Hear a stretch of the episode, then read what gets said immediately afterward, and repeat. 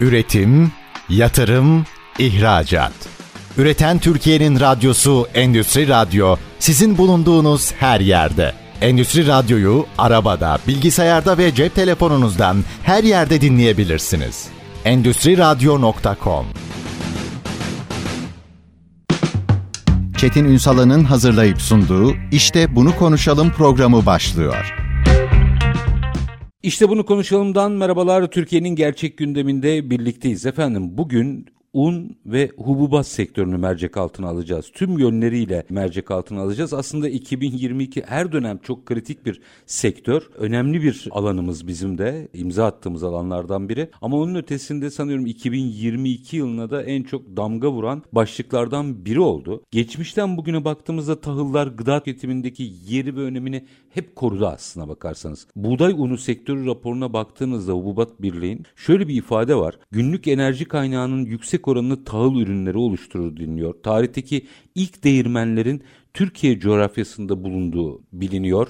Raporda buna dikkat çekilmiş. Ülkemiz hem iklimi hem tahıl üretimi hem de tüketimiyle aslında önemli paya sahip noktalardan, lokasyonlardan biri. Yine buğday ülkemizde başlıca tüketilen tahıl ürünlerinden biri olarak dikkat çekiyor. Raporda yani buğday unu sektör raporunda tahılın öğütülmesi sonucu oluşan unun da modern insanın ilk besin kaynağı olarak bilindiği ifade ediliyor. Yani tarihi anlamda baktığımızda son son derece hayati ve kritik bir ürün grubundan bahsediyoruz. Türkiye'de bu konuda da hem tüketimiyle hem üretimiyle önemli oyunculardan biri. İşte biz bu minvalde un ve hububat sektörünü bugün mercek altına alacağız. Konuğumuz Uluslararası Un Sanayicileri ve Hububatçılar Birliği Avrasya Başkanı ve SÖKE Yönetim Kurulu Başkanı Doktor Eren Günhan Ulusoy efendim. Sayın Ulusoy yayınımıza hoş geldiniz. Hoş bulduk Çetin Bey. Merhabalar olsun. Şimdi ben biraz böyle minik minik buğday unu sektör raporundan başlıklar da aktardım. Orta Anadolu Hububat İhracatçıları Birliği'nin kısa adını söyleyeyim uzun uzun söylemeyeyim. Orada aslında girizgahta da bunun tarihi değerinde olan bir ürün grubu olduğu çok güzel anlatılmış. Sanıyorum insanın yerleşik düzene geçtiğinden beri en önemli gıda ürünlerinden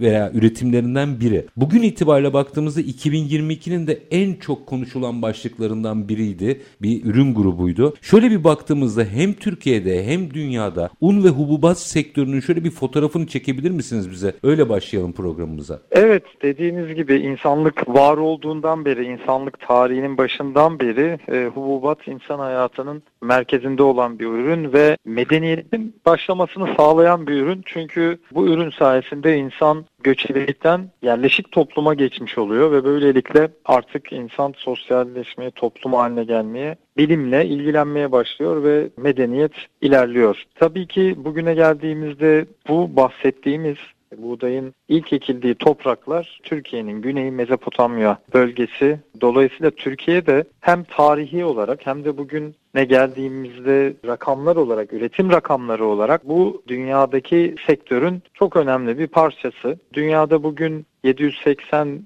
milyon tonu aşkın bir 787 milyon ton hatta tam rakamıyla söyleyelim Hı-hı. bir buğday üretimi söz konusu 791 milyon tonluk bir buğday tüketimi söz konusu bu üretim ve tüketimin 19,5 milyon tonu üretimin Türkiye'de yapılıyor. 21 milyon tonu da tüketimin Türkiye'de yapılıyor. Türkiye buğday üretiminde 11. büyük ülke. Bunun yanında Türkiye'nin bu un ve buğday ekosistemindeki konumunun ne kadar önde olduğunu gösteren birkaç parametremiz daha var. Bunlar nedir? Türkiye dünyanın un ihracatında birinci, makarna ihracatında ikinci ve dünyada kişi başına ekmek tüketiminde de birinci sıradayız. Yani bizim hem kültürümüzde hem tarımımızda hem sanayimizde hem dış ticaretimizde, ihracatımızda buğday, un ve ekmek çok merkezi bir konumda. Tarıma entegre sanayi diye baktığımızda aslında en güzel örnekleri sergilediğimiz alanlardan biri. Üstelik e, satıcı konumundayız aynı zamanda tüketirken de. Biraz tarıma entegre Hı-hı. sanayi özelliğini de açabilir misiniz bu alanın?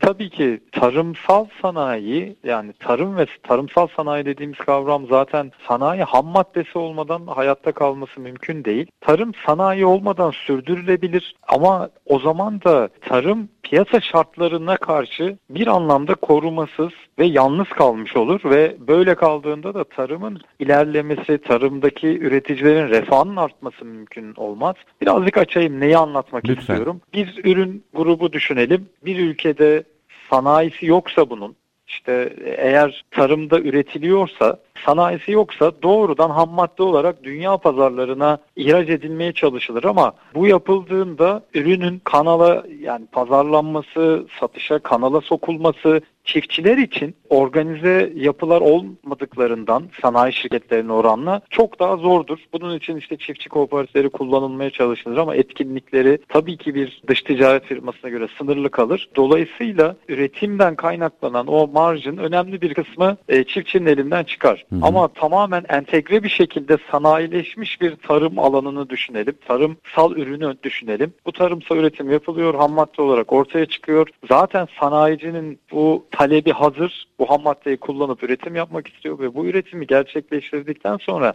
zaten bir şirketin amacı ihracat yapmak, büyümek olduğundan sanayici bunu hem yurt içi pazarda hem yurt dışı pazarda satışa sunuyor, penetre ediyor. Böylelikle ürünün talebini her zaman canlı ve istikrarlı hale getiriyor. Böyle bir talebi olan bir ürünü üretmek de tarım için çok daha cazip hale geliyor. O yüzden de bugün Türkiye'de işte buğday tarımına bağlı un, makarna, bulgur sektörleri, efendim süt için sütle üretilen mamuller, peynirler, çikolatalar, bu gruplar gibi yani çoğaltabileceğimiz birçok örnek var. Entegre sanayi eğer sanayi şirketleri tarımsal şirketlerle entegre bir şekilde tarımsal sanayi olarak çalışabilirlerse mutlaka ki üretime de faydalı oluyorlar. Yeterince verimliliğimiz iyi noktada mı? Yani mesela topraklarımızdan bu konuyla ilgili hem üretim hem de verimlilik anlamında nasıl yararlanıyoruz? Buğday özelinde e, örneklendirelim. Şu anda biz 2.8 ton bölü hektar verimlilik oranındayız. Bu ortalama dünyada 2.93 civarlarında seyrediyor.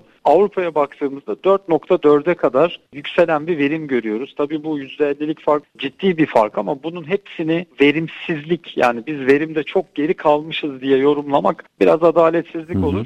Tarımı hangi toprakta yaptığınız sulanabilir olması ve sulanamaz olması çok belirleyici oluyor. Eğer bu sulanabilir arazide üretimler fazla olduğunda ve iklim şartları lehte olduğunda daha yüksek verimlerle karşılaşıyoruz. Hani biz Türkiye olarak dünya ortalamalarındayız. Yukarı doğru da yaklaşık 20 yıllık seyirde 2 ton bölü hektardan işte 3 ton bölü hektara yaklaşan yukarı doğru bir seyir olduğunu da söyleyebiliriz. Yani aslında geliştirmeye açık ama hiç de fena noktada değiliz gibi anlıyorum. Doğru mu? Doğru evet aynen Geli, gelişime açık yani en, en iyi de en iyi de değiliz ama bir trendimiz var. Yukarı doğru bir trendimiz var. Burada ihtiyaç ne? Ne yapılması lazım? Bugün tarımın en önemli sorunlarından biri ölçek, tarım işletmelerinin küçük kalması. Bu da verimde iyi yolda olsak da verimin hızlı artışının önündeki engel. Çünkü işletmeler hayati fonksiyonlarını yani daha doğrusu öncelikle geçimlerini sağlamak zorundalar. Çünkü bizim hani tarım işletmesi dediğimiz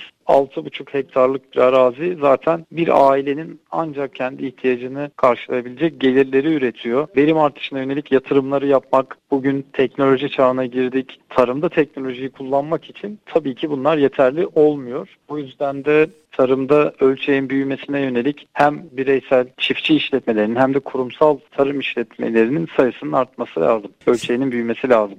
Sizin hem ana üretim hem de e, baktığınızda nihai noktada faaliyetiniz olduğunu biliyorum. O yüzden Evet. burada burada bunu sormam daha doğru olacak. Tam doğru isimsiniz çünkü. Biz o aradaki katma değerden para kazanabiliyor muyuz? Şahsi olarak sizi kastetmiyorum, ülke olarak. Yani ürettik ve sonra rafa koyduk. O arada istediğimiz katma değeri alabiliyor muyuz? Burada da tabii ki hepsini alabiliyoruz demek iyimserlik olur ama önemli oranda elde edebiliyoruz. Burada da gelişime açık noktalarımız var. Çünkü artık hani önceden ürün dediğimiz benim sektörümde unken artık ürün dediğimiz unlu mamul, donmuş ürünler haline gelmeye başladı. Dolayısıyla o tarladan sofraya giden noktada her bir adım ileri gittiğinizde katma değer artıyor. Hani yarın bunu tamamladığımızda evet artık tüm raflarda varız, mamul olarak da varız dediğimizde belki bir sonraki aşama bu ürünün eve kadar getirilmesi, eve teslim edilmesi de bu işin bir katma değer alanı olacak. Ee, Bir sonraki adımlarda oraya gidecek. Şu anda bu mamule dönüştürme konusunda yolun yarısına yaklaştık diyebiliriz.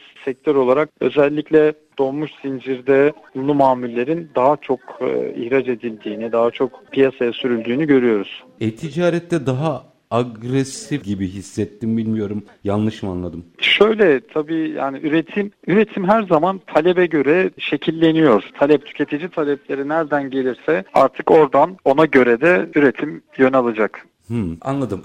Buraya çok fazla girmeyelim diyorsunuz benim hissettiğim o ama galiba gelecek orada nokta atışı gidecek iş. Şimdi e, burada iki boyut var. E, biraz bunun girizgahını yapalım. Bir aradan sonra biraz daha açmak isterim. Eskiden standart bir un gerçeğimiz vardı. Yanlışsam düzeltin lütfen. İşte un satılır, üretilir ve satılırdı. Şimdi en çok enteresan ürünler çıkmaya başladı. Neredeyse nokta atışı hani size ne lazım unları üretilmeye başlandı. Yani işte pizza dükkanı için özel bir e, un, işte makarnacı için özel bir un falan filan. Bir inovasyon hareketi var sektörde anladığım kadarıyla. Oradaki kırılmayı biraz açabilir misiniz bize? Evet yani şöyle söyleyebilirim. Bizler bundan 20 30 yıl önce hani un dediğinizde e, şöyle sınıflanırdı. Tip 1, tip 2, tip 4. O arada o tip 3 de nereye gitmiş bilmiyorum. Bir ara demek ki standartın dışına çıkmış. 3 çeşit un bilirdik. Türk Standartlar Enstitüsü de bunu böyle sınıflandırırdı. Bugün artık sayamazsınız. Yani dediğiniz gibi her türlü amaca yani elinize ürün olarak neyi alıyorsanız ona spesifik, ona özel üretilmiş şey görüyoruz. Unlar görüyoruz. Bu profesyonel kanatta yani endüstriyel üreticilere yönelik olarak çok daha fazla. Olduğu gibi tüketiciye yönelik de var. Tüketici yönelik rafa gittiğinizde pizza için ayrı, pancake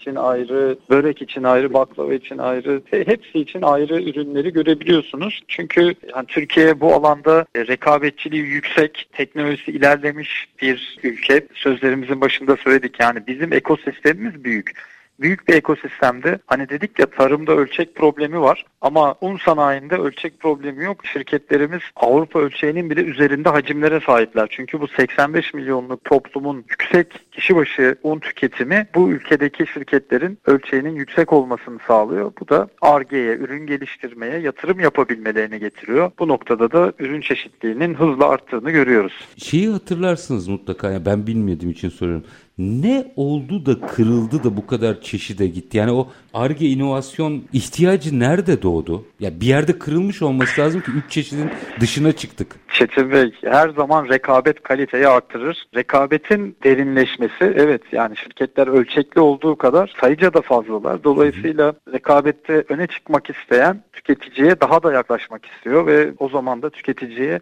tüketicinin talebini karşılayacak, onun amacına hizmet edecek ürünle yaklaşabilirsiniz. En önemli motivasyon bence buydu. Tabii ki bunun yanında tüketiciyi neler etkiledi dersek tüketicide de diğer hani özellikle batıdan gelen trendlerin de etkisi var. Tüketici de bunlarla yönleniyor. Çünkü iletişim ve medya kanalları üzerinden işte bugün bazı beslenme trendleri bu sefer tüketicinin talebinde de değişiklikler yarattı. Yani hem tüketicinin sosyal etkileşimi hem de üretici tarafında da birbiriyle olan rekabet bunu tetikledi diyebiliriz. Bu konuyla ilgili anladığım kadarıyla çalışmalar da devam ediyor. E, firmalar bu ARGE'ye kaynak aktarabiliyorlar mı? Çünkü yani Türkiye ortalamasında firmaların ARGE kaynakları istediğimiz seviyelerde değil ya. Burada çok inovasyon çıkıyor. ARGE'ye mi kaynak aktarılıyor fazla? Şöyle diyelim tabii terminoloji olarak ARGE ve ÜRGE yani burada tamamen bir yeni ürün mü çıkıyor? Yok standart hani gitip kodu bazında, NACE kodu bazında baktığımızda yine un diyoruz ama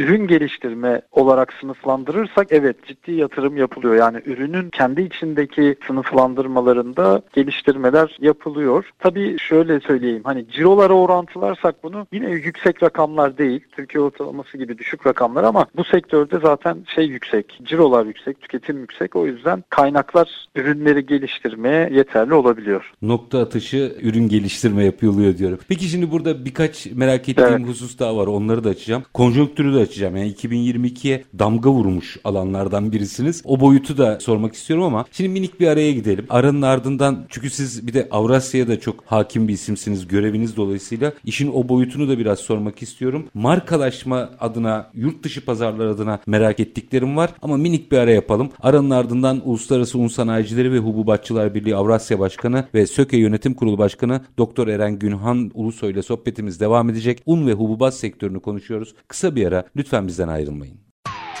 Üretim, yatırım, ihracat. Üreten Türkiye'nin radyosu Endüstri Radyo sizin bulunduğunuz her yerde. Endüstri Radyo'yu arabada, bilgisayarda ve cep telefonunuzdan her yerde dinleyebilirsiniz. Endüstri Radyo.com Kısa bir aranın ardından işte bunu konuşalım demeye devam ediyoruz. Un ve hububat sektörünü mercek altına alıyoruz. Konuğumuz Uluslararası Un Sanayicileri ve Hububatçılar Birliği Avrasya Başkanı ve aynı zamanda SÖKE Yönetim Kurulu Başkanı Doktor Eren Günhan Ulusoy. Şimdi Sayın Ulusoy merak ettiğim bir nokta daha var. Önemli bir coğrafyadayız. Sanıyorum bunu hepimiz kabul edeceğiz. Yani bu alan adına önemli. Program başında da söyledim. Yani ilk tarihin ilk değirmenleri bu coğrafyada baktığınızda. iklim olarak baktığımızda üretime çok müsait bir alandayız. Buğday önemli bir tahıl ürünü bizim için sadece iç piyasa olarak baktığınızda bile çok kıymetli. Bakıyorum 19. yüzyılda mesela Büyükada değirmeni var. Kaç kişi bu konuyla ilgili araştırma yaptı bilmiyorum ama Sultan Abdülmecit döneminde bir sanayi yapısı olarak inşa ediliyor. Dünyadan mesela o dönemde ham madde alıp un haline çevirip dünyaya ihraç eden bir yapı var orada. 12 Ocak 1858 1808'de inşa ediliyor değirmen firması falan. E, yani bir tarih var burada. Şimdi merak ettiğim husus şu. Ana vatanıyız. Elimizde çok ciddi değirmenin ana vatanıyız. Elimizde çok ciddi bir tarih var. Peki ben bunu nihai olarak ürün fiyatıma yansıtarak Avrupa başta olmak üzere dünyadan hak ettiğim fiyatı alabiliyor muyum? İyi haber şu, Osmanlı zamanında yaptığımızı hala yapıyoruz. Türkiye dahilde işleme belgesi kapsamında ürün alıp ham madde temin edip işleyip tekrar mamul olarak un olarak satıyor ve böylece ve bu yaptığıyla da dünyanın birincisi olmuş durumunda. Hani şunu diyebiliriz. Belki Türkiye hızlı bir büyüyen nüfusla tarımda tam istenilen ihracatçı, ham madde ihracatçısı konumuna gelmedi ama kesinlikle sanayi tarafında işleyerek elde ettiği ürünleri ihraç ederek katma değer katarak birinci konumuna geldi. Hı hı. Bunda hiçbir sıkıntım yok ama ben sanayicinin rafa ürünü kendi markasıyla konulduğunda çok daha fazla para kazansın istiyorum. Çünkü tarih o katma değeri hak ediyor. Yeterince kazanç sağlayabiliyor muyuz katma değer? Mesela kilogram başı değerimiz nedir onu merak ettim. Hedefi büyüttünüz Çetin Bey. Biz, ama doğrusu bu. Hani evet dünyaya ihraç ediyoruz, dünya birincisi diyorduk ama evet eksik kaldığımız yerde burası. Çünkü evet mamule dönüştürdük ama marka olabildik mi? Tabii marka olmak gerçekten apayrı bir yolculuk ve ayrı bir efor, ayrı bir pazarlama yeteneği ve bütçesi gerektiriyor. Hani bu konuda Türkiye ilerleyecektir. Türk sanayicisi ilerleyecektir. Ama erken aşamadayız. Çünkü tarımda eko, ölçek ekonomisinden bahsettik. Sanayicinin ARGE için, ürge için ölçeğinden bahsettik. Şimdi de markalaşma için de sırada buradaki ölçek var. Çünkü marka da önemli bir yatırım kalemi. Yatırımı gerçekleştirebilmek için bu hacimleri büyütmemiz lazım. Türkiye bu hacimleri büyüttü. Bugün 3 milyon ton un ihraç etmek yaklaşık 1.4 milyar dolarlık bir ihracat geliri elde ediliyor. E, bu 1.4 milyar dolarlık hasılatın içinden e, ayrılabilecek kaynaklarla e, ilerleyen dönemde bu markalaşmada olacaktır. Ama şu anda evet Avrupa rafında, Amerika rafında ürünlerimiz henüz bu hızda penetre olmuş değil. Örnek verelim hani Türkiye'de parakende de güçlü olan şirketler var. E, Söke'de bizim şirketimiz. Bu noktada Türkiye'de her türlü ürün gamını bulabiliyorsunuz. Ürün portföyü geniş. Glutensizinden, organiğine, siyezundan. Ama henüz Avrupa'da bu yaygınlık oluşmuş değil. Bu da Türkiye'nin e, bu sektördeki ileriye dönük en önemli potansiyellerinden birini oluşturuyor. Belki biraz aceleci davrandım ama bunu da size sormam gerekiyor. Yani şimdi hiç niye sorduğumu da söyleyeyim. Hiç bu rütüklük bir durum değil. Tüketici araştırması sonuçlarına göre şimdi tabii markayı zikretmeyeceğim ama sizin markanız Türkiye'de en bilinen marka. Şimdi o dünyada da biliniyor olmalı ve 1 liralık ürünü ben 3 liraya satabilmeliyim. Birazcık da galiba çok üzerinize gittim ama bundan gittim. Gönül tabii ki bunu istiyor. Doğru söylüyorsunuz. Bu yani bu bir hedeftir. Yani çok güzel bir noktaya değindiniz. Evet tüketici araştırmalarında bakıyoruz. İşte marka gelmiş Türkiye'nin en bilinen markası olmuş. Hı hı. %95 oranıyla. Yüksek bir işte %21 pazar payına ulaşmış. Ama bu ne zaman olmuş? İşte 30 yıllık raflarda yer alan bir güçlü olmuş. Bu yani 30 yıldır piyasada yer almak sayesinde olmuş. Bu marka bilinci tüketiciye yerleşmiş. Şimdi hani evet ihracatta bunlar yapılamaz mı? Yapılır. Zaman ve kaynak lazım. Hani bunun için hani 2023'te bizim Türkiye'deki oyuncularımız gider bunu yapar diyebilir miyiz? Hayır diyemeyiz. Ama orta vadede aynı Türkiye'de yapılanı mutlaka Avrupa'da da Amerika'da da gerçekleştireceğiz. Biraz önce telaffuz ettim. Aslında bu yeni tüketim trendleri, glutensizler, organikler, spelta denen atalık buğdaylar Avrupa'daki tüketim şeyleri, Avrupa'daki Trendler. tüketim kültürleri hı hı. bunları biz yani burada daha hem şey olarak ham madde olarak bizde daha kıymetlileri, daha eskileri var. Hem üretim potansiyelimiz, teknolojimiz çok yüksek. Hem üretim potansiyelimiz yani o yüzden şeyi ihracatta biz bunları eksik olan tarafımız marka. Markayı da eklediğimiz zaman biz burada oh Türkiye ortalamalarının üstüne çıkacak birim fiyatları 3 dolar bölü kilogramları o zaman yakalayabileceğiz. Hani bunun için e, bir 4-5 yıllık periyotta bu hedeflere hedeflere hareket edilecektir. Niye merak ettim? Çünkü şimdi zaten konu yani ürün çok hassas ve özel bir ürün. Üründen türev ürün üretiliyor, belli bir noktaya geliyor. Şimdi biraz özelinize girmiş gibi olacağım ama birçok sektörde birçok firmaya örnek olması babında bunu söyleyeceğim. Baktığımızda Anadolu'nun farklı farklı yerlerinde operasyon yapıyorsunuz. Bu çok kıymetli bir şey. Türk sanayi tarıma entegre de olsa Türk sanayi açısından. Artı halka arz noktasında da hamleniz var. Yani siz e, gördüğüm kadarıyla e, hızla yapıyı ülkeye yaymaya çalışıyorsunuz. Şimdi bu, bu mantaliteyi biraz konuşmak istiyorum. Evet çünkü hep konuşuyoruz. Türkiye tüketim tüketim anlamında çok güçlü bir ülke diyoruz. Üretim anlamında çok güçlü bir ülke diyoruz. Bu sayede zaten Türkiye'nin en önemli özelliği bu. Yani 81 ilinde buğday üretilen, 81 ilinde un tüketilen bir ülke. O yüzden de Türkiye'de şu an bulunduğumuz coğrafyalar ve Samsun, Karadeniz, Tekirdağ, Marmara, Aydın, Ege, Ankara, İç Anadolu bize şunu söylüyor. Bu ülkenin her bölgesinde bir potansiyel var. Biz bunu bu potansiyeli yeni noktalarda da üretim noktaları oluşturarak devreye alabiliriz ve bu alanda Türkiye satında e, her bölgesinde hizmet veren ilk firma olabiliriz. Hedefimiz bu yönde. Üstad oradaki biraz bakış açısını dinleyicilerimizle paylaşabilir misiniz? Çünkü bizim yıllardır konu tarım olduğunda anlatmaya çalıştığımız bir şeyi yapmışsın. Ne yapılırsa başarılı olunuyor.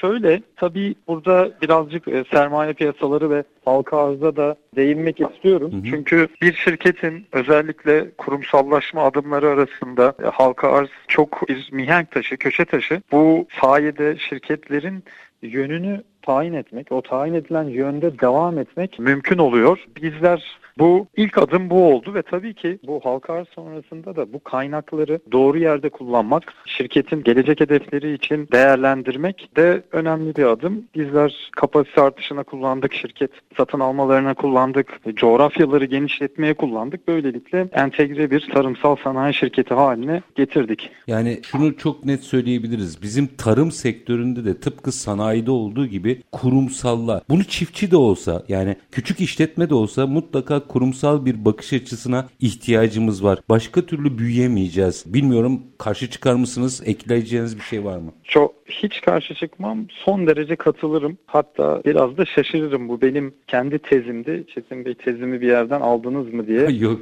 Kafamda karışabilir. Çünkü e, evet hep bunu söylüyorum. Yani ekonomilere baktığınızda özel sektör şirketler kesimi ekonomilerin lokomotifi ama ekonomilerin işte belirli alanları vardır. Kamu tekelindedir. Niye? İşte topluma e, o hizmetlerin sağlık sektörü gibi, eğitim gibi verilmesi zorunludur. Ama onun dışındaki veya savunma sektörü gibi. Ama onun dışındaki alanlarda hep özel sektör lokomotif olur, önde taşır. Tarımda bunu göremiyoruz. Neden tarım kurumsallaşmıyor? Neden tarım kurumların öncelikli yatırım alanı haline gelmiyor? Bu çok önemli bir soru. Çünkü verimlilik dediğimizde bu kurumsallaşmadan e, ortaya çıkıyor. O yüzden de ne kadar çok kurum tarımın içinde olursa, ilgilenirse tarım o kadar hızlı ilerler. Bu bir niyet cümlesiyle olmaz ama. Yani kurumlar ekonomik fizibilitesi yüksek projelere, yüksek işlere giderler. Yani karlılık olan yere giderler. Demek ki şu an sağlanan ortam bu alandaki karlılığı alternatiflerine göre daha düşük tutuyor. Eğer öyle olmasaydı zaten kurumları burada görürdük. Yanlış anlamadıysam doktora teziniz bu öyle mi? Tam olarak bu değil. Lisanslı depoculuğun ekonomik analizi benim O, o doktora da tezim ama aslına bakarsanız tüm özel sektör yatırımlarının ana motivasyonunu anlatmış olduk. Yani bugün ne yaparsanız yapın ilk soru hani bir bankaya gitseniz kredibilitenizle ilgili ilk soru şudur. Geri dönüş süresi kaç yıl? İşte tarımda kaç yılda dönüyor? Buna bakmamız lazım. Doğru. Eminim ki bu konuyla ilgili şunları da yapmamız lazım. Çözüm önerileriniz de vardır. Minik bir araya gideceğim. Aranın ardından o çözüm önerilerinizi de merak ederim. Aktartmak isterim dinleyicilerimize. Ama minik bir araya gidelim. Aranın ardından Uluslararası Un Sanayicileri ve Hububatçılar Birliği Avrasya Başkanı ve SÖKE Yönetim Kurulu Başkanı Doktor Eren Günhan Ulusoy ile sohbetimiz devam edecek. Lütfen bizden ayrılmayın. Üretim, yatırım, ihracat. Üreten Türkiye'nin radyosu Endüstri Radyo sizin bulunduğunuz her yerde. Endüstri Radyo'yu arabada, bilgisayarda ve cep telefonunuzdan her yerde dinleyebilirsiniz. Endüstri Radyo.com Kısa bir aranın ardından işte bunu konuşalım devam ediyor. Un ve hububat sektörünü mercek altına alıyoruz. Konuğumuz Uluslararası Un Sanayicileri ve Hububatçılar Birliği Avrasya Başkanı ve SÖKE Yönetim Kurulu Başkanı Doktor Eren Günhan Ulusoy. Şimdi Sayın Ulusoy araya gitmeden önce aslında tarımdaki işletme yapılarını güçlendirmekten bahsettik. Siz de aslında bu tezi paylaştığınızı ve açılımlar sağladığınızı ifade ettiniz. Orada anlatırken eminim ki buna bir akıl yoran, akıl yürüten kişi ne yapmamız gerektiğine de akıl yürütmüştür. Ne yaparsak tarımı daha entegre, sistemli çalışan işletmelerin esas olduğu, bu- illa devasa işletmeler olması gerekmiyor. En küçük çiftçinin bile, üreticinin bile işletme mantığında işlediği yapılardan bahsediyorum. Ne yaparsak bunu sağlarız. Bu konuyla ilgili çözüm önerileriniz var mı? Şöyle söyleyeceğim. Biraz önce hani tez konusundan bahsettik. Tezde lisanslı depoculuktu tezimiz ve belki buraya bir metaforla oradan fikir edinebiliriz. 2006 yılında lisanslı depoculuk kanunu çıkıyor ve 2014 yılına kadar 8 yıl boyunca Türkiye'de sadece 4 tane lisanslı depo inşa ediliyor. Lisanslı depoculuk kanunu yanlış mı çıkarılmış? Hayır. Bütün şartlar hala bugün o ilk kanundaki gibi 2014 ile 2022 arasındaki 8 senede ne oluyor? 4 taneydi ya 2014'e kadar. 2014 ile 2022 arasındaki 8 senede 180 tane daha inşa ediliyor. O gün 300 bin ton olan kapasite bugün 9 milyon tona yükseldi. Arada değişen nedir? 2014'ün sonunda lisanslı depo yatırımlarına kırsal kalkınma kapsamına alınıp işte düşük faizli kredi imkanı doğrudan teşvik her nerede olursa olsun 5. bölge teşviklerinden faydalandırma, ürünleri alıp satanlara kurumlar vergisi, gelir vergisi muafiyeti sağlandı. Ürün koyan başta tüm kesimlere çiftçi, tüccar, sanayici kira desteği yarısı devlet tarafından karşılandı. Sonrasında tüccar sanayici bundan çıkarıldı. Sadece çiftçilere destek hala verilmeye devam ediyor. Yani kanun veya proje başta çıktığında şartlar doğruydu ama ekonomik fizibilitesi yoktu. Ekonomik fizibilitesi ortaya çıkınca bu alana e, yatırım geldi ve hızla kapasite oluştu. Biraz önce de izah ettiğimiz bu. Eğer biz bu alandaki destekleri, teşvikleri, ekonomik yapıyı oradaki kişilerden ziyade kurumlar, ürünler, ürünlerin verimliliği üstüne kurgularsak mutlaka ki o tarafa doğru bir ilme olacaktır. Tabii bu konu böyle tek tek yüzeyde, tek düzlemde hani bir çırpıda çözüm bulunacak bir alan değil. Öyle olsaydı zaten bu alanda çalışan çok kıymetli insanlar, akademisyenler, bürokratlar var. Aslında bu bir tercihtir. Yani tercihen biz hani bunun ekonomik verimliliğini öncelikliyorsak tercih budur. Ama bunun bir de demografik, sosyolojik öncelikleri var. Onları da öncelikleyebiliriz. O da bir tercihtir. Nihayetinde hani yeterliliği koruyabildiğimiz nokta bence burada kırmızı çizgidir. Yani kendi kendine yeterlilikte %80'ler, 90'lar kabul edilebilir ama biz artık 50'lerin altına iniyorsak tercihlerimizi gözden geçirmemiz gerekir anlamı çıkar. Yani sadece demografik ve sosyolojik sebeplerle tarımda verimsizliği teşvik ediyor olmak toplumun tamamına zarar verecek noktaya geliyorsa artık tercihimizi ekonomik teşviklerden yana kullanmak gerekir. Ama şu sözünüz, daha doğrusu ifadeniz, tanımlamanız şu açıdan bana çok ümit verdi. Aslında tercihi buradan yana yaparsak ufak bir dokunuşla hemen reaksiyon alıyoruz anladığım kadarıyla.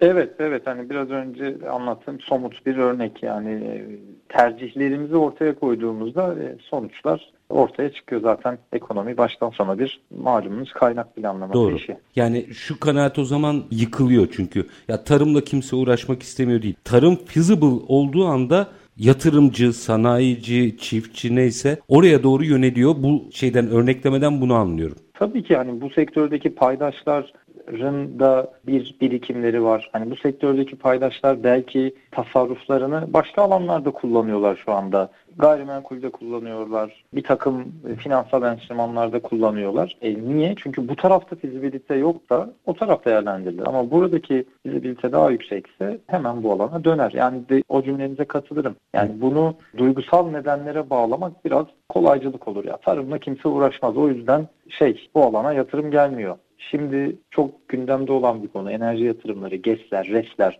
Bundan 3-4 sene önce enerjiyle ilgili birçok işte enerji sektörüyle ilgili bir takım sorunlar yine bu GES'lerle, RES'lerle ilgili lisans sorunlarından bahsediliyordu. Ama bugün herkes bununla uğraşıyor. Neden? Çünkü Doğru. fizibilitesi 3 yıla düştü, 3,5 yıla düştü. Bugün tarım 2 yıla düşsün, siz de yayını bırakır, hemen bu, bu alanda ne yapabilirim diye siz de ben de hemen çalışma yapmaya başlarız. Bu çok kıymetli bir tespitti. Onu altını çizelim. Çünkü bu genelde tarımın da ne noktaya gelebileceğine işaret ediyordu. Şimdi bir 6 dakikam var. Tekrar sektöre dönmek istiyorum. Özellikle Avrasya başkanlığınıza döneyim Üstad. Eğer bir nabız varsa o nabız sizin elinizde. 2022'ye neredeyse tahıl ve türevleri, buğday damga vurdu.